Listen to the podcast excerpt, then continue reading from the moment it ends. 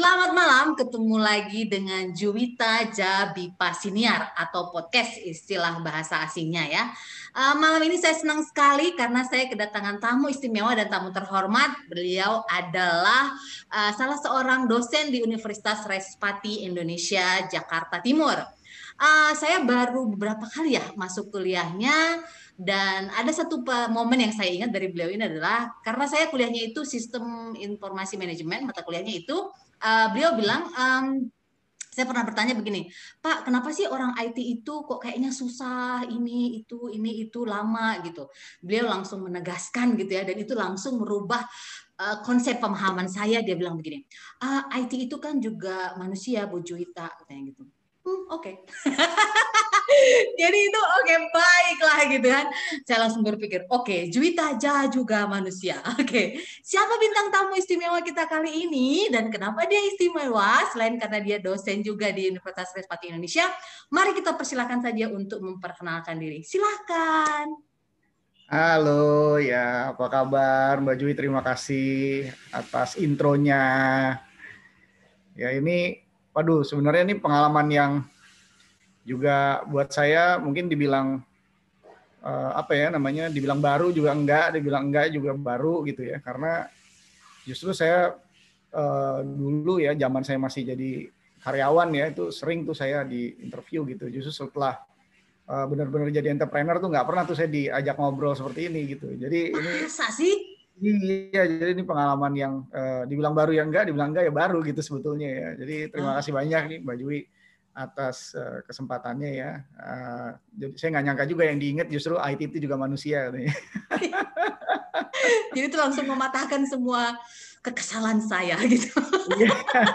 selama ini gitu ya atau image saya selama ini tentang IT gitu. Hmm. Iya, iya, iya. Ya memang begitu sih ya. Memang ya kita ini kan namanya kita kerja ya pasti punya ekspertisnya masing-masing ya gitu. Jadi to some extent um, ada bridge of communication gitu. Jadi bahasa yang sangat dipahami oleh orang yang expert sama bahasa awam itu memang ada gap gitu kan. Ya sama aja kalau orang yang non IT, orang yang ngerti finance gitu kamu sama orang yang nggak ngerti finance ya. Sama gitu nih orang finance susah amat sih diajak ininya gitu budget jadi nggak di approve approve gitu kan misalnya. Ini marah-marah gitu kan biasanya begitu ya. Aduh duit nih reimburse nggak diganti-ganti ini orang finance apa sih susahnya? Cuma cuma nyatet doang kerjanya gitu. Ya. ya itulah memang kan sering kali kita mesti memahami juga dari sudut pandang orang yang kita sedang ajak berinteraksi gitu. Nah, jadi uh, karena saya kebetulan sudah cukup panjang ya. Uh, saya memulai karir itu sebagai seorang uh, bankers ya gitu boleh dibilang. Gitu. Bankersnya tapi di consumer finance ya. Jadi uh, dunia saya waktu itu sekitar puluhan tahun yang lalu tuh nggak jauh dari kartu kredit ya dulu. Jadi uh, hmm. oleh sebab itu maka saya um, dari awal ya, betulnya saya uh, sangat menyukai Eh, hal-hal yang berbau statistik gitu ya, berbau matematika gitu, analisa gitu. Awalnya saya sebenarnya dari sana gitu, tapi terus kemudian masuk ke industri, apalagi kartu kredit ya itu lebih banyak eh, apa melihat perilaku konsumen gitu, terus menganalisa perilaku cara orang mau beli dan bayar gitu. Akibatnya jadi akhirnya saya dari di belakang gitu di apa ya hitung-hitung aja terus akhirnya jadi mulai berani nih oke cara jualan gimana terus cara untuk supaya ini barang laku bagaimana gitu ya. Terus sampai berkarir dari satu bank ke bank yang lain ya dari Indonesia saya ke Singapura, saya juga sempat di Norwegia, terus sempat juga di Ceko di Ceko ya bukan di Cekoslovakia, di Ceko di Czech Republic no, di Praha. Yes, saya juga sempat Ya jadi um, akhirnya pengalaman-pengalaman itu um, memperkaya gitu ya, memperkaya apa yang sudah uh, saya dapatkan gitu sebagai pondasi di awal ya dari sekolahan ya. Uh, apa dari awal itu saya sekolah sebetulnya lebih suka di ranah yang sifatnya itu sekali lagi masalah angka gitu ya. Hmm. Tapi akhirnya uh, bergerak menuju kepada ya angka juga kalau nggak ada orang yang mau beli terus mau angka apa yang mau dihitung gitu kan nggak ada gitu. Jadi akhirnya berarti core-nya itu sebenarnya bisnisnya jualan sebetulnya gitu loh. Jadi ya harus pelajari ilmu jualan gitu. Jadi mungkin itu sedikit lah ya dari dari okay. apa yang background saya gitu. Baik, uh, sebenarnya saya sudah menyusun 15.000 pertanyaan ya untuk Pak Adit ini. Mudah-mudahan Pak Adit bisa menjawabnya sebelum nanti berbuka puasa ya. Seperti yang uh, para pendengar atau mungkin penonton bisa melihat di belakang Pak Adit ini sudah banyak sekali uh, bisnis yang beliau geluti ya gitu. Nah, tapi sebelum hmm. bertanya lebih lanjut lagi tentang bisnis-bisnis ini gitu ya, uh, kita mulai pertanyaan yang ringan saja dulu. Boleh nggak sih kita hmm. tahu tiga fakta unik atau fakta menarik dari seorang Pak Aditya ini? Waduh, fakta unik ya apa ya? Kayaknya oke. Okay. Gini, kalau fakta unik mungkin nomor satu ya. Ini kalau kan kelihatan ya, saya rambutnya di bawah nih ya, bukan di atas gitu. Jadi kelihatan saya udah saya udah gundul dari 20 something tahun yang lalu udah kayak begini saya. Jadi eh, Sekarang uh, tiba-tiba begini. 27? Iya, ya enggak lah. Umur saya di mungkin waktu saya di kuliah UI waktu itu saya enggak, sekarang bapak umurnya berapa? 27 kan oh, berapa? enggak. Bisa 27 17 ah salah. Oke. Oke faktanya itu rambutnya di bawah oke. Okay. iya ya. Jadi orang nunggu di atas ini nunggu ke bawah malah okay. saya ini okay. biar inilah jadi adit syariah lah kalau boleh dibilang oh, adit syariah oke okay, baik Baru tahu gua. Oke. Okay. Terus. Jadi satu itu. Hmm. Kedua, fakta uniknya adalah ya mungkin boleh dibilang ya uh, saya tuh termasuk yang paling apa ya paling muda lah gitu ya waktu saya dulu jadi bankers tuh ya masuk di levelnya eksekutif lah dulu gitu. Jadi sering hmm. dibully juga gitu. oh. Umur masih 30 masih ya baru 30 tahun beneran lah tuh waktu itu saya sudah sudah jadi vice president waktu itu ya. Cuma uh, ya karena paling muda jadi ya dibully ya sama yang senior-senior yang umurnya udah 40 tahun gitu. Uh. Jadi apa sih lo anak kecil nggak ngerti apa-apa paling gitu cuma bisa di atas kertas gitu doang. Hmm. Tapi emang Well, I realize gitu setelah umur saya 40 tahun bener juga ini. Itu waktu itu cuma cuma tahu di atas kertas gitu. saya pikir-pikir gitu ya.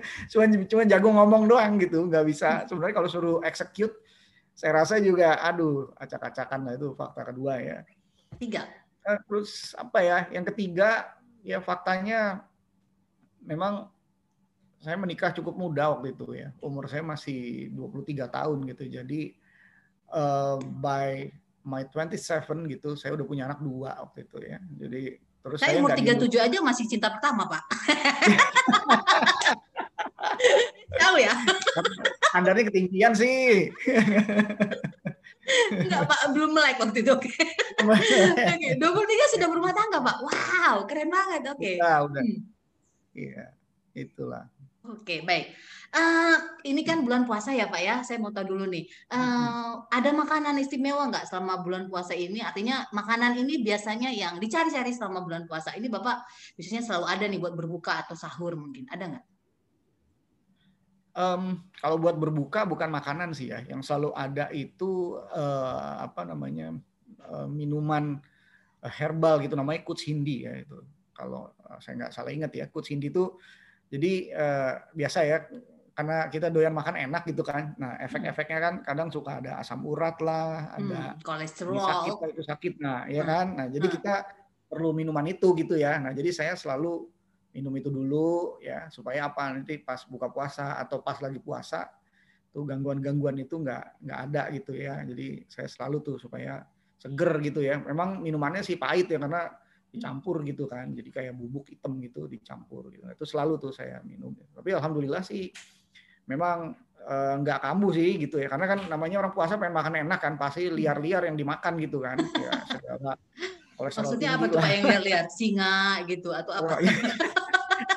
macan gitu ya. Buaya gitu. Pokoknya makanan yang mikronutrisinya itu yang udah nggak jelas lah ya, ya. apa sama manis porsinya. Lagi, super super manis satu lagi itu itu juga akan berbahaya ya tapi kan namanya kita buka puasa pengennya kan berbukalah dengan yang manis kan katanya gitu jadi dengan orang yang manis saya, bukan pak berbukalah dengan orang yang manis bukan kalau saya selalu pikir berbukalah dengan orang yang manis bukan makanannya Oke, so yang manis-manis ya. Oke, baik. Um, sebelum kita nanya ke bisnis ini, ada tadi yang menarik Bapak sebutkan dari remaja atau dari anak muda sudah tertarik dengan angka-angka gitu. Bapak gaulnya di mana sih Pak? Kok suka angka-angka? gitu. Kok bisa? Siapa yang mempengaruhi? Siapa yang menginspirasi?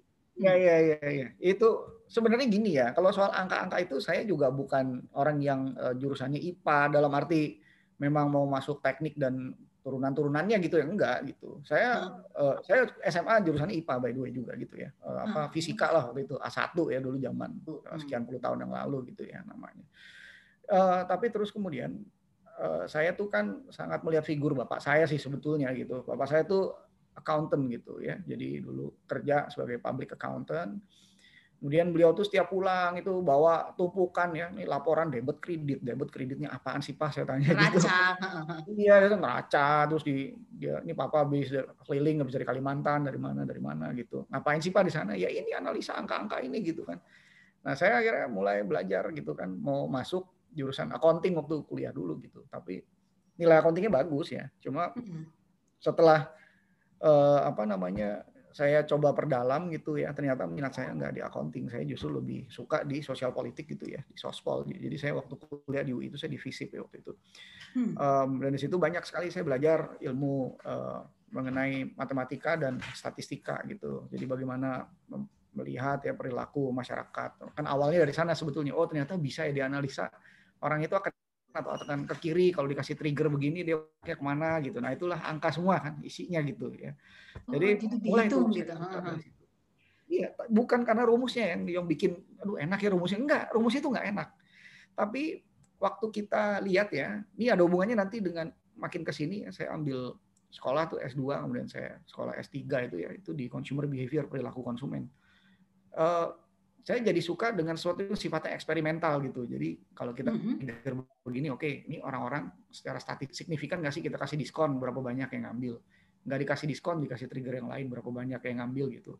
Nah jadi eh, itu semata pertama mulainya karena ada kartu kredit ya. Jadi hmm. itu yang semakin mm-hmm. membuat saya juga semakin oke, okay, ini makin keren kayaknya gitu ya ilmu ini perilaku konsumen gitu. Jadi udah dari mulai situ saya suka kepada uh, efek-efeknya gitu ya. Jadi mendesain sebuah eksperimen, mendesain uh, sebuah testing gitu. Yang mana kita juga nggak tahu jawaban yang paling benar tuh apa sampai objektifnya tuh tercapai. Misalnya gini, kalau kita bikin satu program, kita selalu bikinnya dua A dan B gitu. Oke, yang A dan yang B ini signifikan nggak kira-kira response rate-nya atau yang mau beli itu yang lebih banyak yang mana sih pakai metode seperti apa sih kita? Apakah kita mesti SMS orang ini tiga kali Uh, terus kemudian kita lihat dia respon apa enggak atau kita tiga kali plus telepon satu kali misalnya gitu. Nah mana nih yang lebih efektif misalnya gitu dari sisi response rate-nya gitu misalnya. Nah, itu somehow buat saya sangat uh, apa ya sangat menggairahkan gitu kalau saya lihat uh, apa namanya orang tuh merespon apa yang kita jual gitu baju. Oke. Okay. Ya. Menarik. Uh, karena uh, ada nggak sih momen itu kan saya ngebayangin juga apa ya saya juga termasuk orang yang penasaran gampang penasaran gitu ya mudah penasaran gitu kan mudah bingung juga gitu. Itu bapak uh, apa namanya mem, ada nggak sih momen yang penelitian apa atau testing riset apa waktu itu yang membuat bapak kayaknya aku bagusnya di sini kayaknya saya bisa di sini. Artinya ini sesuatu yang I want to do it again and again and over over and over again gitu loh ada apa hmm. apa yang mungkin ada. bisa ada nggak sih kayak semacam turning point gitu oh ini nih gitu boleh kita tahu pak hmm. ada dulu um, gini kalau mungkin pengalaman saya dulu ya waktu saya mulai berkarir tuh awal awalnya tuh saya di bagian penagihan ya kalau di bank itu bagian collection ya kalau kalau uh -huh. ya. nah dulu tuh bagian collection kan sangat uh, kentara dengan orang kalau nggak bayar yang dikirimin Ambon gitu ya kalau orang nggak bayar yang dikirimin gebuk gitu kan uh -huh. nah di situ saya lihat tuh ternyata waktu saya benar-benar baru belajar itu saya wah banyak juga orang yang nggak bisa bayar ternyata gitu ya untuk kartu kredit nih saya bisnisnya. Dari situ saya perhatikan gitu karena kan saya kan orangnya nggak apa ya namanya ya kalau kalau main di lap gitu ya saya kurang terlalu terlalu apa ya terlalu expert gitu di situ. Jadi saya memang lebih banyak berpikir strategi gitu di belakang layar ah. gitu. nah jadi dari situ kenapa? Karena waktu itu masih takut lah kalau ngomong gitu kan. Jadi kalau ketemu orang tuh masih malu-malu, masih takut. Jadi saya nggak ngambil posisi untuk yuk jadi orang operation gitu. Enggak gitu. Udah saya di belakang aja tapi tactical. Nah di situ saya lihat ternyata kenapa kok yang dikirim Ambon dan macam-macam jadi logika saya sih simpel aja. Orang kalau nggak bisa bayar dikirimin Ambon bukan bayar kalau menurut saya makin lari gitu. Nah ini pasti ada yang salah nih gitu cara pendekatannya gitu ya waktu itu ya saya pikir-pikir nih mana ya? Ah, dari situ saya namanya segmentasi gitu. oke customer itu nggak semuanya juga yang dia nggak mau bayar. Tapi ada juga yang dia tertunda gitu misalnya. Nah dari situ saya mulai segmentasi segmentasi kemudian saya kasih program-program gitu. Ada program restrukturisasi program diskon ada program reschedule atau delay gitu. Relaksasi gitu. Relaksasi semacam kayak gitu. Nah mulai dari situ ternyata program saya alhamdulillah diterima dengan baik sama customer dan akibatnya jadi tingkat tunggakannya itu bagus gitu. Jadi banyak yang bayar gitulah habis itu customer tuh jadi nggak merasa fear, dia nggak takut gitu. Jadi saya selalu berpikir terbalik ya. Jadi gini, yang nggak bayar kan customer, harusnya logikanya kalau orang-orang itu oke okay, duitnya kan hilang, ya gimana caranya kan dikejar customernya kan. Nah kalau saya saya balik, uang customernya nggak bayar, dia yang susah gitu. Harusnya dia yang ngejar kita gitu. Nah ini pasti ada sesuatu yang kita miss di sana gitu. Kita harus uh, punya apa supaya bukan kita yang ngejar customer, customer yang ngejar kita gitu. Jadi kayak kita nyari kalau kita mau nangkep ayam, contohnya nih ya, instead of ayam kita kejar-kejar dia lari-larian itu susah gitu kan. Nah mendingan kita ambil beras kita taruh berasnya depan kita gitu ayamnya yang keren telepon gitu. KFC oh bukan telepon KFC bukan ya Oke, okay, nanti kayaknya buka puasa pesan KFC nih. Oke. Okay. Oke, okay, terus. Saya udah pesan Suharti kayaknya. Oh, Bu Suharti. Lupa nih. Oke, okay, baik. Oke, okay, ya. kita ngejar-ngejar. Jadi saya coba filosofi itu ya, filosofi itu dan dari turning point itu akhirnya kalau di bagian yang penagihan aja bisa gitu ya. Akhirnya saya pilih ya, ke depan mestinya jualan pun juga konseptualnya mestinya sama gitu kan. Jadi supaya orang mau beli atau istilah saya itu bahasanya namanya respons namanya gitu ya. Karena kan mm-hmm. kita ini jualan yang paling kita cari apa sih respon gitu. Beli apa enggak mah urusan belakangan, tapi kalau direspon gitu udah seneng gitu kan. Nah, iya. Mereka kan baru mau respon apa sih sebenarnya? Kan kalau Karena udah ngerasain juga gimana sedihnya dicuekin. Precisely gitu ya. Iya. Dari apa hurt lah gitu ya di dalam iya, ini ya. Iya, uh, udah bertuap-tuap.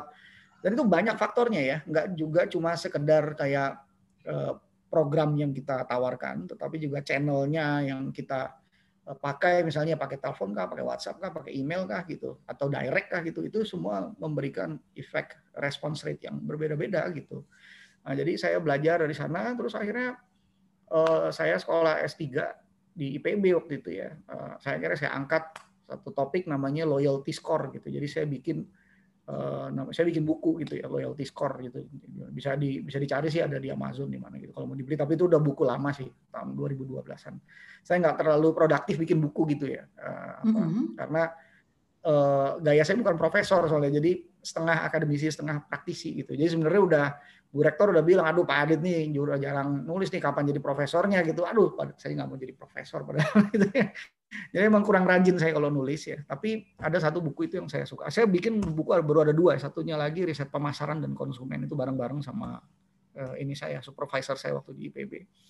Nah itu saya bikin tentang loyalty index score namanya. Jadi gimana caranya kita bisa uh, memberikan treatment ya atau program kepada customer kita berdasarkan tingkat loyalitasnya dan membuat uh, segmentasinya gitu sesuai dengan tingkat loyalitasnya karena ternyata yang membuat orang itu nggak bayar salah satu aja lah karena awal-awalnya karena dia nggak loyal gitu ya nah, nggak loyal hmm. itu ada sebabnya lagi kenapa dia nggak loyal gitu termasuk treatment yang kita berikan kasih customer itulah yang membuat customernya nggak loyal kita jadi mulailah dia sulit membayar atau dia nggak memprioritaskan karena kalau orang udah nggak punya duit ya itu udah pasti susah kan suruh bayar nah yang top of mind lah yang akan jadi prioritas jadi kalau punya duit cuma satu juta utangnya 5 juta Nah, satu juta ini ada Citibank, ada HSBC, ada Bank Mandiri, ada BCA. Mana nih yang mesti saya bayar duluan? Ya? Hmm. Yang paling baik yang bayar duluan. Bukan yang paling jauh. Gitu. Nah, ini yang kita mikirnya mesti namanya customer centric gitu. Kepalanya customer. Nah, dari situ saya akhirnya udah fokus lah kepada yang namanya ini eh, apa jualan ya fokus terus kemudian masuk lagi ke yang namanya CRM itu customer relationship management.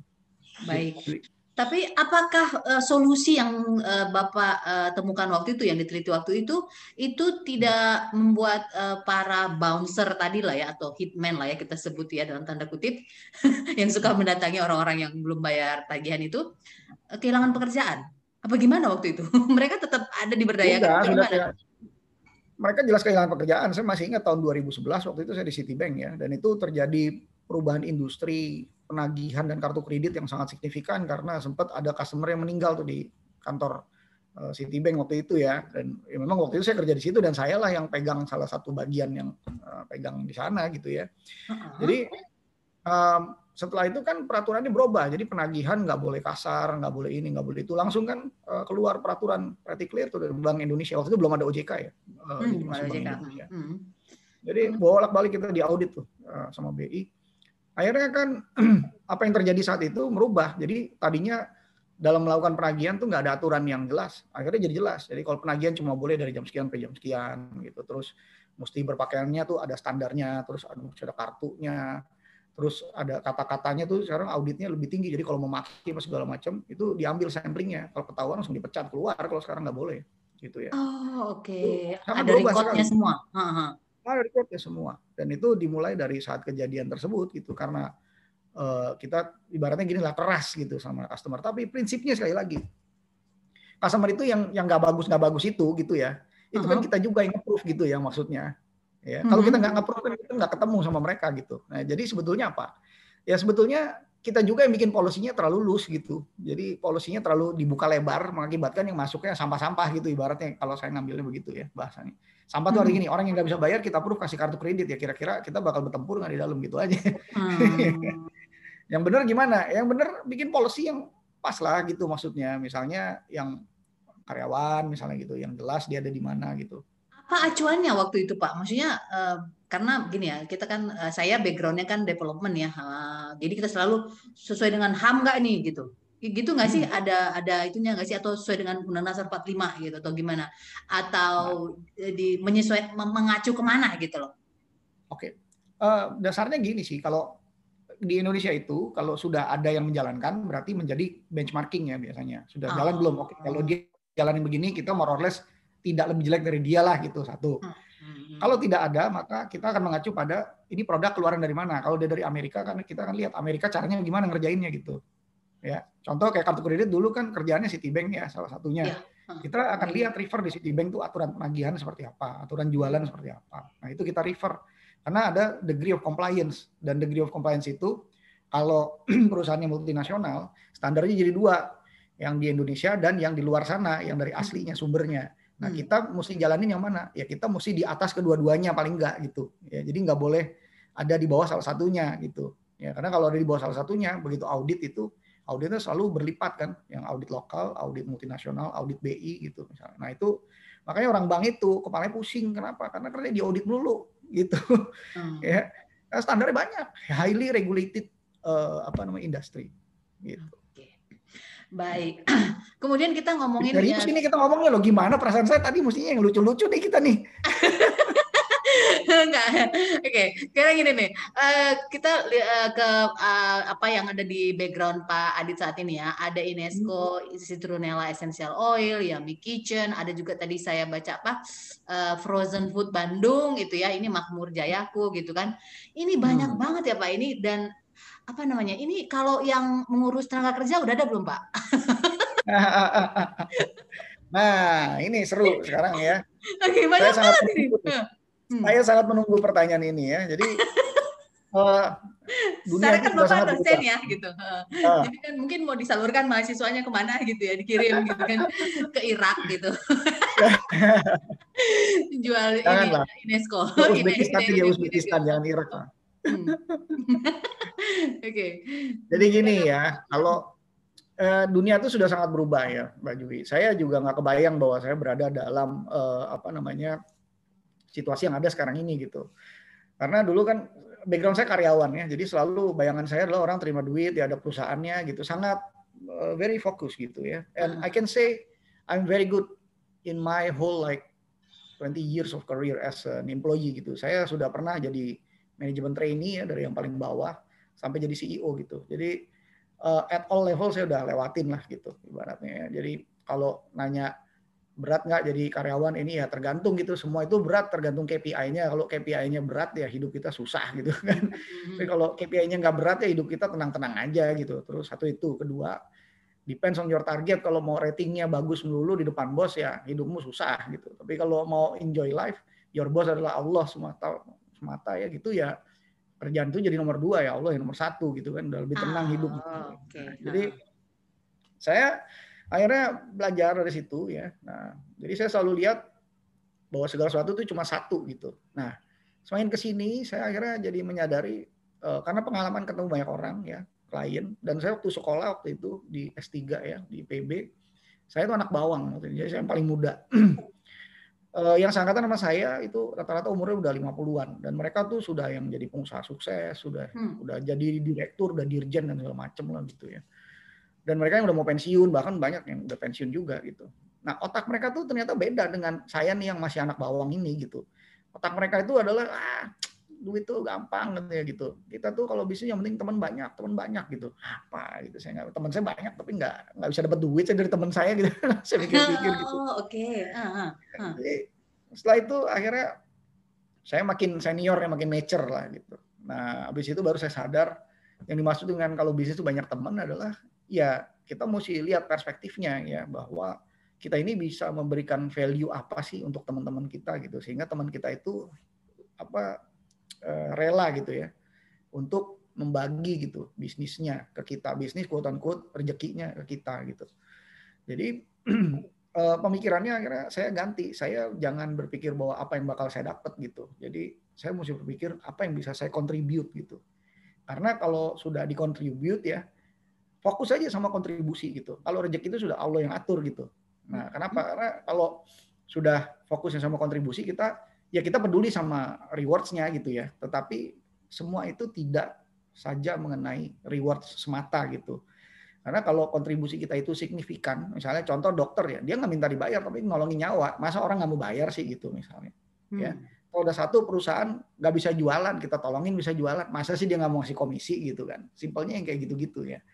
Ada orang nggak bisa bayar, kita bantuin dia bayar. Masa kita nggak kebagian margin gitu misalnya waktu dia nanti punya duit gitu. Jadi kita mesti lihat nih kontribusi apa yang bisa kita berikan. Nah dari situ akhirnya udah saya belajar oke okay, kalau gitu I want to change my mindset and I want to contribute more. Nah cuman kan karena belum berpengalaman jadi berdarah-darah lah pasti gitu ya. Udah kerja setengah mati nggak dibayar lah nggak ada yang ini.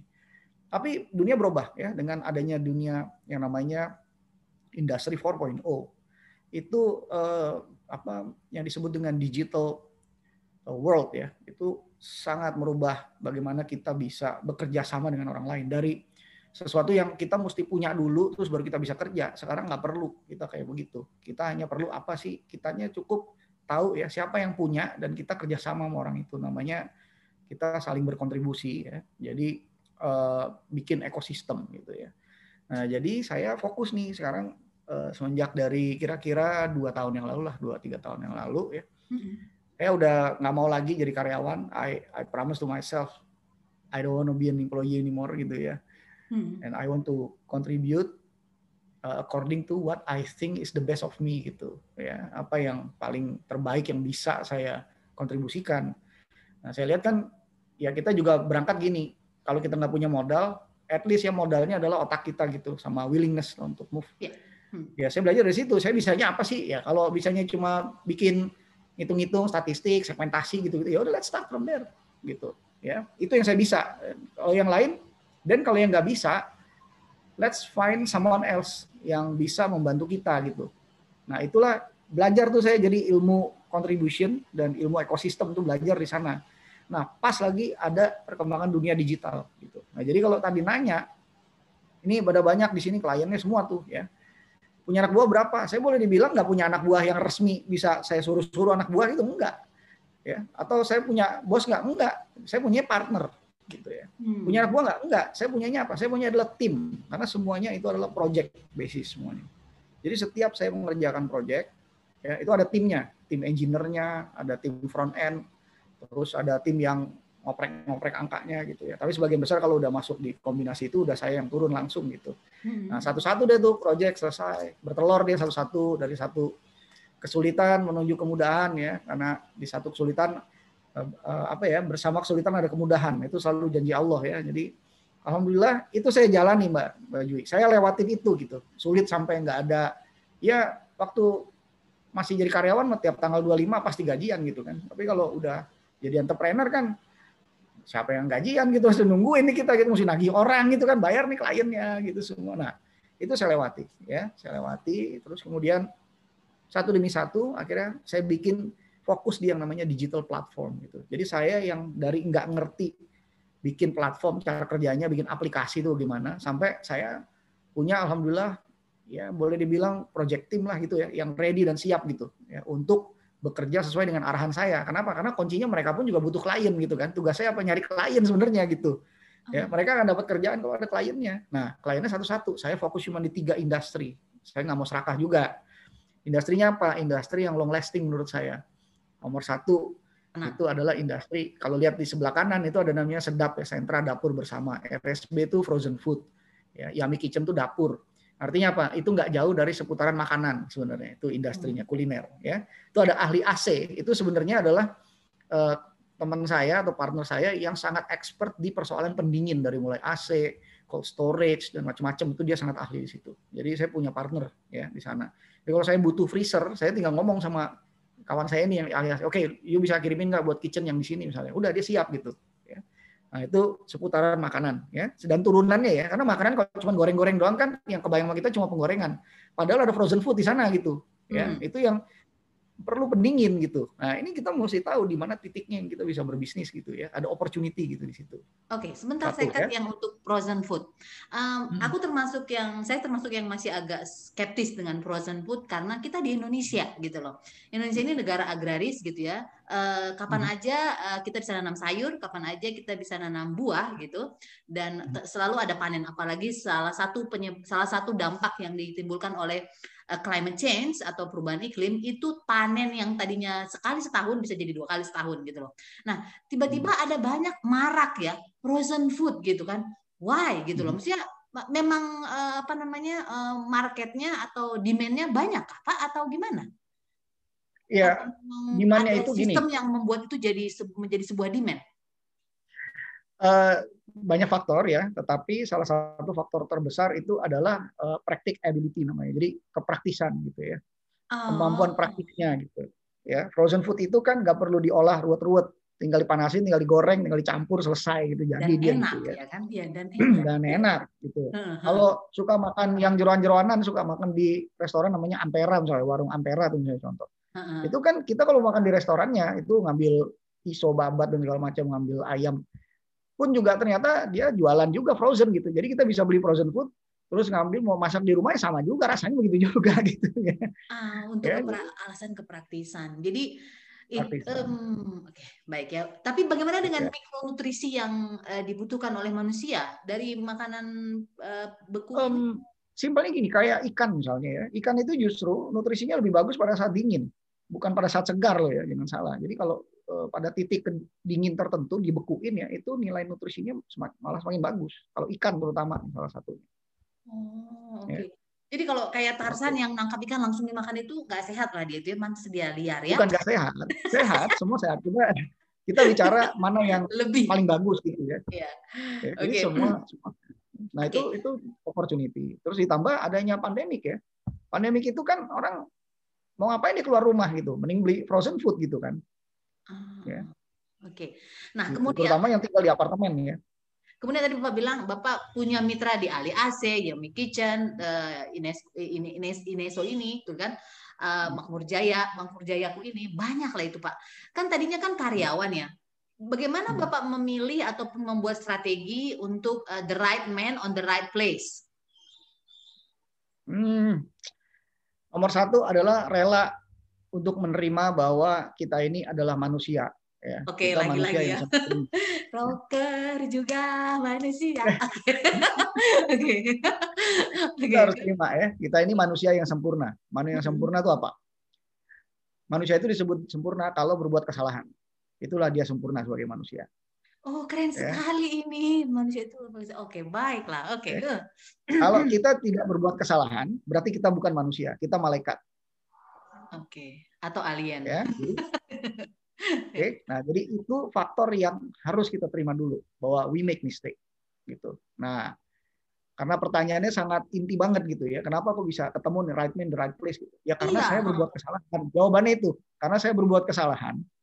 Jadi saya tahu mana yang benar, mana yang enggak gitu. Nah, yang susah itu adalah menerima kesalahan itu, kemudian bangkit lagi terus move on itu yang susah. Gitu. Karena kenapa? Itu biayanya luar biasa besar. Ya, biayanya macam-macam nih, kehilangan uang, kehilangan kredibilitas, ya. kehilangan kepercayaan diri. Dan kepercayaan diri, that's the worst of gitu ya. Ya, bisa dibayangkan eh, Mbak Jui ya, saya dulu jadi CEO ya, atau jadi direktur nggak jauh-jauh deh gitu ya. Saya tinggal teriak wah wah dah, gitu semua orang datang semua gitu ya, semua takut lah gitu sama saya gitu. Hmm. Tiba-tiba kerja sendiri gitu saya ngomong nggak ada yang takut gitu. itu sangat drop rasanya itu loh ya. Ah. Kalau nggak eh, apa membuka ini gitu, kita mesti buka diri lah gitu, buka pikiran. Saya tinggal ngomong yang namanya personal asisten saya tuh udah nongkrong gitu pasti oke pak butuhnya apa? Mau makan apa? Saya tinggal ngomong doang gitu. Ya, gaya pejabat lah gitu ya. Dan dia masih cukup masih cukup oke lah muda lah masih 30-an gitu. Uh, terus akhirnya nggak jadi kayak gitu lagi gitu udah berhenti gitu kan. Itu sangat sangat apa switching yang sangat luar biasa ya. I make mistake but with that mistake that what's become me gitu. Jadi dengan kesalahan itulah yang membuat saya menjadi saya gitu. Akhirnya saya jadi tajam, jadi mature, saya jadi bisa sniffing gitu. Jadi kalau tadinya kita bisa ngeker orang ya jarak 10 meter baru kelihatan nih laki perempuan nih. Nah sekarang saya bisa 100 meter saya udah bisa lihat nih laki perempuan nih, udah ketahuan gitu dari jauh gitu. Ah. Nah, Jam terbang juga ya. Hmm. Hmm. Dengan mistake. Nah dari situ sniffing kita dan kita harus selalu gini bisnis itu ya saya pelajarin terus kita memang harus ada di giroh yang sama. Jadi orangnya mesti sama understandingnya gitu. Eh, bahwa pasti ini ada off-nya gitu, kita ada jeleknya gitu ya. Nah itu partner itu ya kalau dia udah bisa terima yang model kayak gitu, itu harus kita tempel gitu. Oh. Ya, karena uh, yang susah adalah pada saat kita off, ya kita nggak punya duit, kita nggak bisa ngirim barangnya atau barang servis kita nggak bagus gitu misalnya ya. Tapi dia bisa bisa understand gitu ya, bisa oke, okay, I hmm. understand your problem gitu, how we can solve this together. Nah, udah tuh kena tuh kita. Berarti cocok nih orang gitu. Because we see problem as you know Challenge. as something to be solved gitu, bukan as something to be blamed gitu loh, problem itu gitu loh. Itu yang uh, sulit nyari partner kayak gitu. If we see problem as something to be blamed, then you should cut the ini gitu, the relationship dalam arti slack out lah kalau istilah saya. Tapi if you see problem and the other side see that as something to be resolved, hmm That's the right person. Itu. Okay. Um, jadi kan uh, apa namanya? Aku tahu itu tidak mudah ya. Pasti ada tahapan-tahapan sehingga sampai ke tahap level itu gitu ya. Uh, tapi ada nggak sih Pak momen kan tadinya Bapak settle ya, maksudnya uh, taksir tanggal 5 udah udah gajian gitu kan, hmm. uh, tagihan udah pasti akan ada posnya untuk membayar gitu kan. Kemudian sekarang sendiri gitu. Ada nggak sih hmm. momen ya, udah ribet nih nyerah aja nih gue nih, uh, kok kayaknya susah nih bisnis nih kayak gitu apa namanya uh, apa ya takut gitu sehingga ada nggak sih momen kayak gitu yang jadinya hmm, udah gue mau nyoba bahkan sampai udah gue mau coba karyawan lagi karena kan sebenarnya pasti pasti masih pasti masih laku kan gitu karena hmm. sudah expert gitu kan bisa jadi advisor sebenarnya gitu atau konsultan gitu kan. Nah ada nggak sih hmm. pak momen kayak gitu? Udah gue balik aja. Ada. Ada ada. Ada momen seperti itu when I was low gitu ya. Jadi low uh, low, low itu low key. Uh, uh, saat kita tuh benar-benar confident levelnya tuh lagi aduh susah ya gitu ya nah itu low banget itu terasa ada dan jangan salah even pada titik sekarang pun perasaan-perasaan seperti itu masih suka muncul tapi udah lebih mudah diatasi gitu ya ah, ah, kenapa ah. karena sebenarnya kita kita ini kan we attract what we are gitu itu hmm, ilmu hmm. namanya law of yeah. attraction namanya iya yeah, law of attraction ya yeah. hmm. jadi uh, kita ini kalau mau sukses ya harus kita yang pilih sebetulnya gitu ya. Eh, kita mau berdekatan dengan lingkungan yang mana sih sebetulnya gitu. Nah, saya akhirnya bisa memahami kenapa kepengennya tuh apa ada mimpi-mimpi pengen balik lagi jadi karyawan gitu karena lingkungan saya seputaran saya semuanya adik saya papa saya semuanya itu ya employee nggak ada yang jadi bisnismen gitu kan jadi ah. dikit-dikit pengen balik pengen balik nah akhirnya nomor satu gini saya mesti switch mindset dulu gitu oke lingkungan harus saya robah gitu dari yang isinya itu employee rata-rata kawan-kawan saya juga kan rata-rata orang-orang sukses juga gitu ya mereka direktur lah gitu di mana-mana. Nah saya udah mesti switch, mesti berteman banyak sama orang yang uh, hidupnya dari bisnis, konsultan gitu ya, jualan gitu. Nah, dengan itu kan artinya surrounding gitu ya. Saya di surrounding dengan orang-orang yang saya pilih menjadi ekosistemnya saya gitu. Hmm. Ya, jadi udah lebih mudah sekarang gitu. Kenapa? Karena saya ketemu orang yang girohnya sama gitu loh sama saya. Udah, oh iya Dit, gue ngerti cara cara kerja lu begini gitu. Memang lu akan dibayar kalau begini caranya gitu. Nah, jadi orang udah ngerti. Saya nggak minta gaji, tapi saya minta adalah profit sharing misalnya contoh. Gitu. Nah, kita hmm. udah ngomongin planner kalau udah kayak begitu. Artinya apa? Ini kita sama-sama mikirin gimana cara biar laku ya nih barang gitu. Jadi bukan gua kerja di bawah lu atau gua di atas lu nih gitu. Itu bukan persoalan itu gitu. Jadi balik lagi ilmunya adalah what I can contribute gitu and what you can contribute gitu. Nah, udah kalau lagi low saya akan kembali ke sana dan tentu saja semua itu kembali kepada Allah semata gitu ya. Kita harus kuat yang eh, apa namanya perilaku kita itu dengan selalu mendirikan sholat ya eh, lima waktu plus dengan sunnah-sunnahnya kita harus jalankan karena sunnah itu adalah pagernya sholat itu sendiri. Jadi kalau sunnahnya dikerjakan ya insya Allah yang wajibnya apalagi gitu kan. Tapi kalau sunnahnya nggak dikerjakan ya wajibnya tuh ada kemungkinan bolong lah gitu kan berarti gitu. Jadi um, kita mesti jaga sama itu sih no doubt ya. Itu saya juga nggak bohong. Dan pertemuan saya dengan Urindo misalnya gitu ya. Uh-uh. Itu adalah kuasa Allah semata gitu. Ya, sampai sekarang saya bisa ada di Urindo, kita ketemu bersilaturahmi gitu ya. Itu karena pilihan ya, pilihan yang ah saya mau back to campus aja deh gitu. Tapi saya nggak mau di kampus yang levelnya tuh yang kelas tinggi-tinggi gitu. Saya bisa balik ke misalnya ke IPB misalnya gitu ya. Uh-huh. Saya bisa balik ke UI kalau saya mau atau saya S2 di UGM ya kebetulan gitu. Saya bisa balik ke UGM juga gitu kalau kalau saya memilih mau ke sana.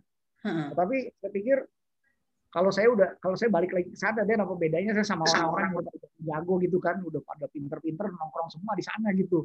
Hmm. Ah saya mau di sekolah swasta aja gitu ya. Terus Orangnya juga yang menurut saya nggak usah yang kayak gimana banget gitu, tetapi orang-orangnya satu giroh gitu. Ya. So, uh, uh, apa ya satu frekuensi gitu.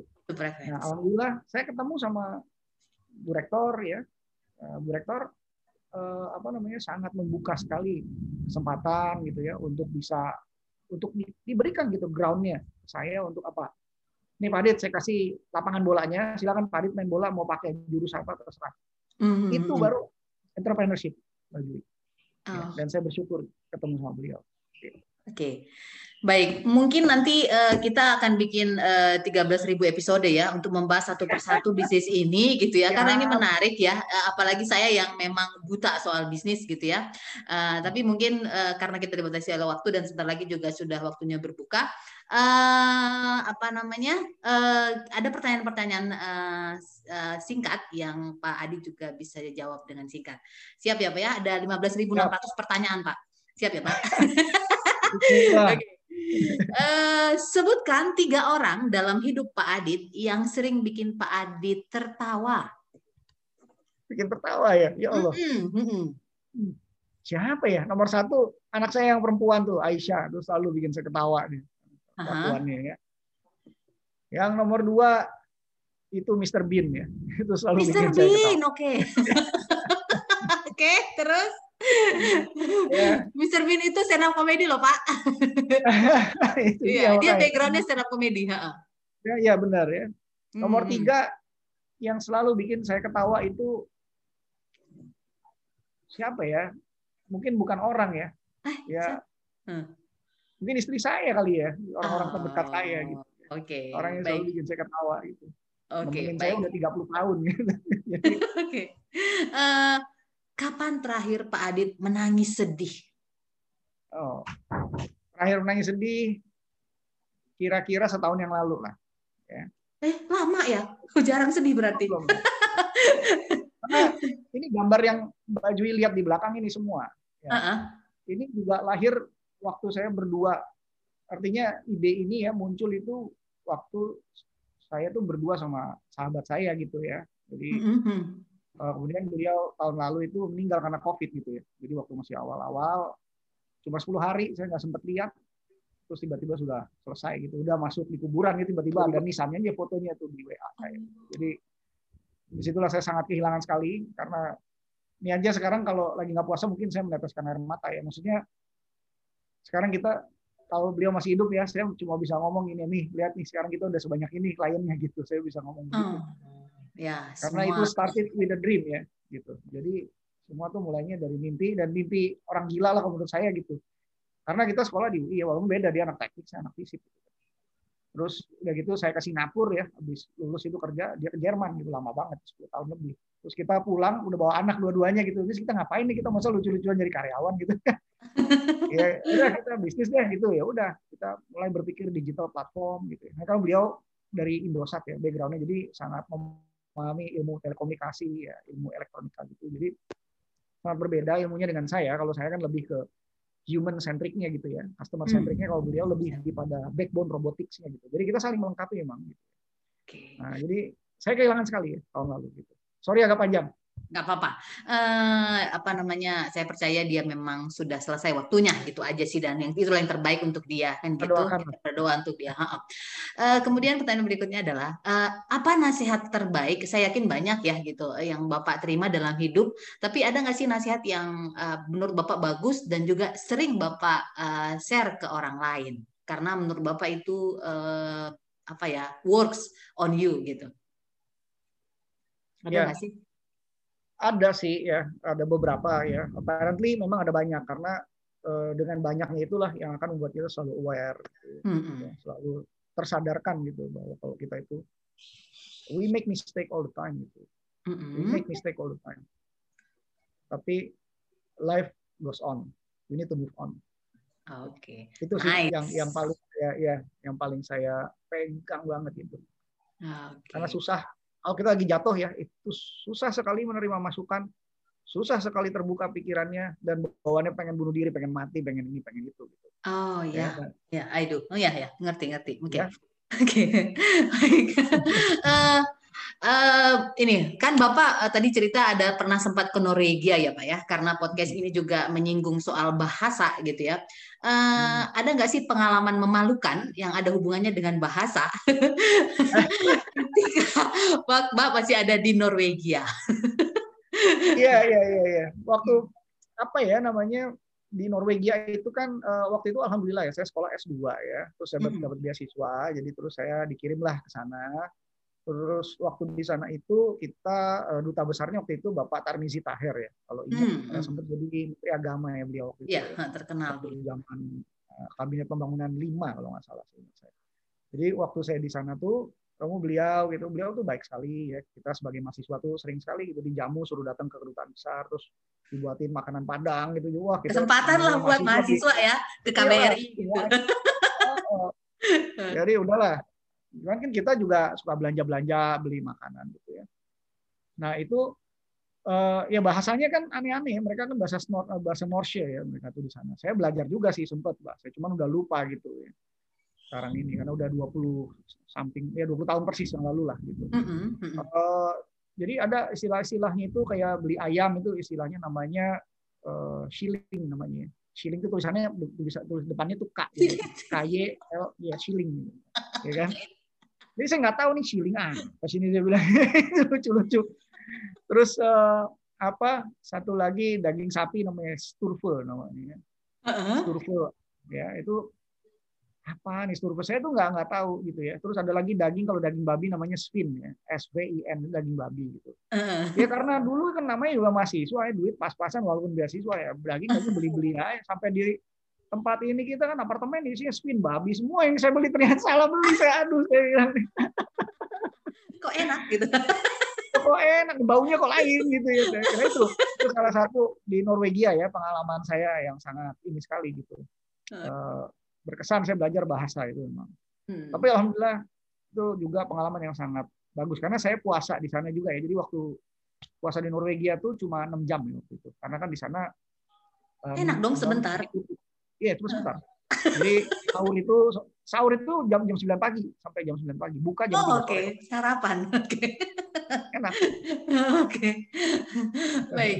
Eh, ini kan eh, pertanyaan terakhir ya, Pak. Ada kita kan Ya. pandemi ini masih pandemi sebenarnya, masih karantina gitu. Ada nggak sih eh, 12.000 perubahan perilaku yang Bapak sudah lakukan gitu ya? yang apa ya positif eh, membuat bapak lebih baik, be a- apa ya jadi a better person lah gitu. Ada nggak sih mungkin eh, 12.000 atau mungkin 17 lah mungkin eh, perubahan perilaku yang terjadi? Pasti. Pasti. Pasti ya. Apa selain yang 5M itu ya? Selain yang 5M. Satu ya perubahan itu adalah saya jadi lebih dekat sama unyil-unyil saya tuh ya, sama anak-anak saya maksudnya. Oh, unyil-unyil. Oke. ini ya. Iya. Jadi Padahal udah gede-gede dipanggil unyil ya. Oke. saya panggil unyil. Anak saya paling gede udah kuliah di UNER ya by the way di Erlangga di Surabaya. Oh, Jadi- tapi tetap dipanggil unyil-unyil ya. Oke. Tapi panggilnya unyil ya. Tetap. Oh, lebih saya dia tetap ya Hmm. bayi lah gitu sampai udah gede gitu juga. Hmm. Satu itu ya. Kedua eh, disiplin itu jadi lebih lebih eh, internal disiplin ya. Itu terjadi sama saya gitu. Jadi kalau tadinya saya bergerak karena ada sesuatu di luar sana yang mengharuskan saya untuk bergerak. Sekarang kan semuanya diatur sama diri kita sendiri gitu. Hmm. Jadi hmm. oke, ini jam ini kita mesti disiplin, jam segini mesti begini, jam segini mesti segini gitu. Itu udah Ah, itu bergerak ya. Termasuk kebiasaan untuk beribadah. Kalau tadinya saya berangkat kantor dulu baru misalnya sholat duha gitu ya. Sekarang saya sebelum meeting, sebelum meeting pertama saya, saya berduha dulu baru saya kemudian meeting gitu. Jadi ini udah bisa saya balik sekarang gitu. Priority adalah Allah Subhanahu wa taala gitu ya, selalu. Oke. Ya, itu yang kedua. Yang Yang ketiga, ketiga. Hmm. ya, disiplin ya. Saya jadi tahu bahwa kita itu tidak perlu berada di mana-mana untuk ada di mana-mana. Ah. Jadi karena pandemik inilah saya jadi bisa ada di mana-mana tanpa bergerak ke mana-mana gitu. Jadi Hmm. cukup ada di satu titik, saya bisa berada di semua tempat juga. Nice. Nah di situ saya belajar ilmu eh, apa human center atau kalau kita mau berbisnis itu kita harus eh, menempatkan diri kita tuh sebagai matahari. Mungkin Mbak Jui ingat ya, we are the Nah. sun. Ya. Yang lain itu eh, mengitari kita. Nah itu saya Ya. pelajari. Itu yang ketiga. Ya. Jadi maksudnya apa sih? Ya maksudnya gini, kalau bisnis itu mau bergerak dari satu titik ke titik yang lain, kita jangan berharap orang lain gitu. Kita yang ngatur gitu. Ini harus bergerak Hmm. gitu loh.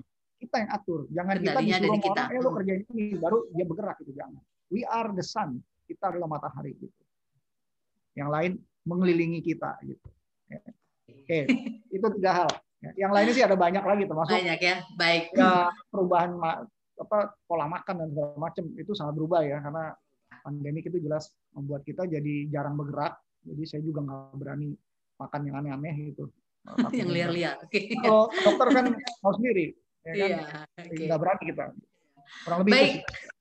Pak Adit, eh, terima kasih banyak. Saya senang banget. Sebenarnya masih banyak pertanyaan, makanya tadi saya bilang eh, kita akan adakan sesi yang lain lagi nanti untuk membahas satu persatu ini, gitu ya. Sebenarnya aku masih belum puas yang tadi soal eh, apa frozen food itu, gitu ya, karena itulah ada masih banyak pertanyaan. Nanti mungkin kita bahas Oh, lagi. jangan-jangan bisnis frozen food nih jangan-jangan nih Bukan, bukan. Maksudnya gitu. Maksudnya karena itu tadi karena eh, apa ya pro eh, pro petani lokal gitu ya. Pokoknya lo- Ada pro nelayan lokal gitu. Kenapa kita jangan memproses salah loh frozen food ini ya dia suppliernya juga petani loh tapi petani Hmm. kita ajarin supaya dia punya ini produk tuh bisa bertahan lama long lasting gitu jadi jangan cuma yang kayak sembakoan aja gitu maksudnya Oh, oke bisa ya, itu kayaknya juga, gitu. menarik untuk dibahas lebih lanjut lagi nanti. Mudah-mudahan kita ada waktu dan masih di Urindo juga ya. Baik, Siap. terima kasih banyak Pak Adit. Eh, Sehat-sehat, semangat terus. eh, Ditunggu terus inovasi-inovasi barunya. Dan Ya. para pemirsa atau pendengar dan penonton Juwita Jabi Pasiniar, itu tadi obrolan kita dengan Dr. eh, Aditya Gali Prihartono. Semoga para pendengar bisa mendapatkan sesuatu, baik itu hiburan ataupun informasi yang bisa memberikan manfaat bagi kita semua. Tetap jaga kesehatan, tetap semangat, dan jangan takut kalau bikin kesalahan ya, gitu man. Kita karena kita masih manusia, gitu ya. Semangat terus, sampai ketemu lagi di Juwita Jabipa episode berikutnya. Terima kasih banyak, sampai ketemu lagi, bye. bye